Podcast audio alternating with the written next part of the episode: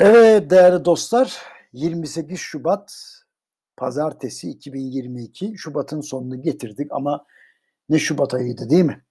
Şimdi öteden beri yandık bittik mahvolduk edebiyatından hiç hoşlanmam.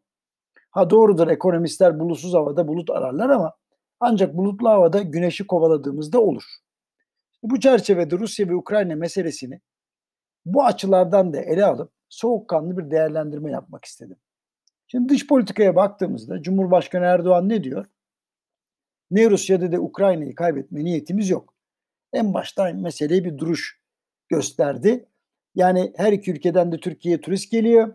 Ayrıca başta Rusya olmak üzere çeşitli kalemlerde ilişkiler ve ticaret devam etmekte. Batı yaptırımlarının şu an için Türkiye'ye bir etkisi yok. Dolayısıyla yükselen tansiyonun tarafı değil, yatıştırıcı unsuru olarak gözüküyoruz. Bu arada Birleşmiş Milletler ve NATO'nun işlevi konusunda Ankara'nın da haklılığı ortaya çıktı. Hani ne diyorlardı hani NATO'ya hani e, no action talk only. Hani bol bol konuş hiçbir şey yapma diye. Şimdi enerji meselesine gelelim. Onu yeterince açıkladım ama bir kere daha altını çizmekte fayda var. Şimdi 60 milyar metreküplük doğal gaz ihtiyacının %34'ü Rusya'dan karşılanıyor. Daha önceden bağlanmış fiyatlarla yapılması tabii bir avantaj ama spot piyasada alımlar yapsak da fiyatlarından yani etkilenmemiz çok e, uzun sürer. Şimdi bu süre zarfında tansiyon düşerse inşallah cari açın genişlemesi tehlikesinden uzaklaşırız. Elektrik üretiminde çeşitliliği arttırmaya devam etmemiz lazım. Bizi doğalgaz bağımlılığından giderek uzaklaştıracak formüller gerekiyor. Bir zamanlar elektrik üretiminin %40'tan fazlası doğalgazdandı. Şimdi bu oran %35'in altına indi. Ne yapmalıyız? Avrupa Birliği ortalaması olan %23'e çekmek hedefimiz olmalı. Bunun için de bankaların, finans kuruluşlarının kaynak vermesi lazım. Bu rasyonel bir davranış olur. Faizler. Şimdi bu kriz ortaya çıkmadan önce Fed'in faiz adımlarının 50 bas puanla başlanacağı söyleniyordu. Şimdi bunu konuşanlar yok. Yani daha düşük bir faiz adımı üzerine tartışmalar da başladı. Bu çerçevede Fed'in ve Avrupa Merkez Bankası'nın koordineli bir şekilde bilanço daraltmayı yavaşlatabileceği, faizleri de beklenenden daha itidalli şekilde arttırabileceği düşünülmeli. Zaten Amerika e, Avrupa Merkez Bankası yıl sonuna kadar dokunmam demişti.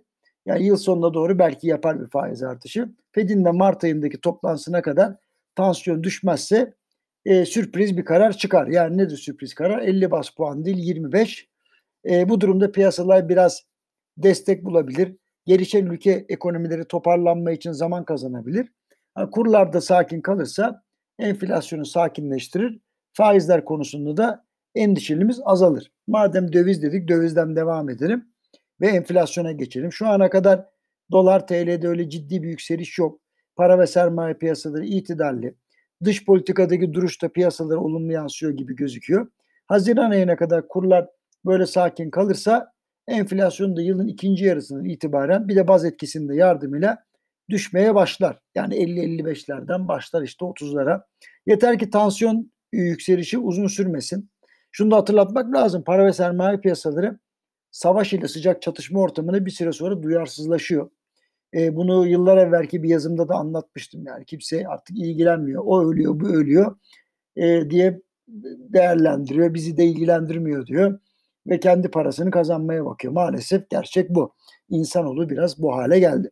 Şimdi Fed'in sakin yaklaşımlarıyla beraber bu sakinleşme sürecinin artacağını ve devam edeceğini öngörebiliriz. Bu arada tabii büyüme endişeleri sebebiyle emtia fiyatlarının da dalgalanmaya devam ederken düşme eğilimine girmesi de mümkün.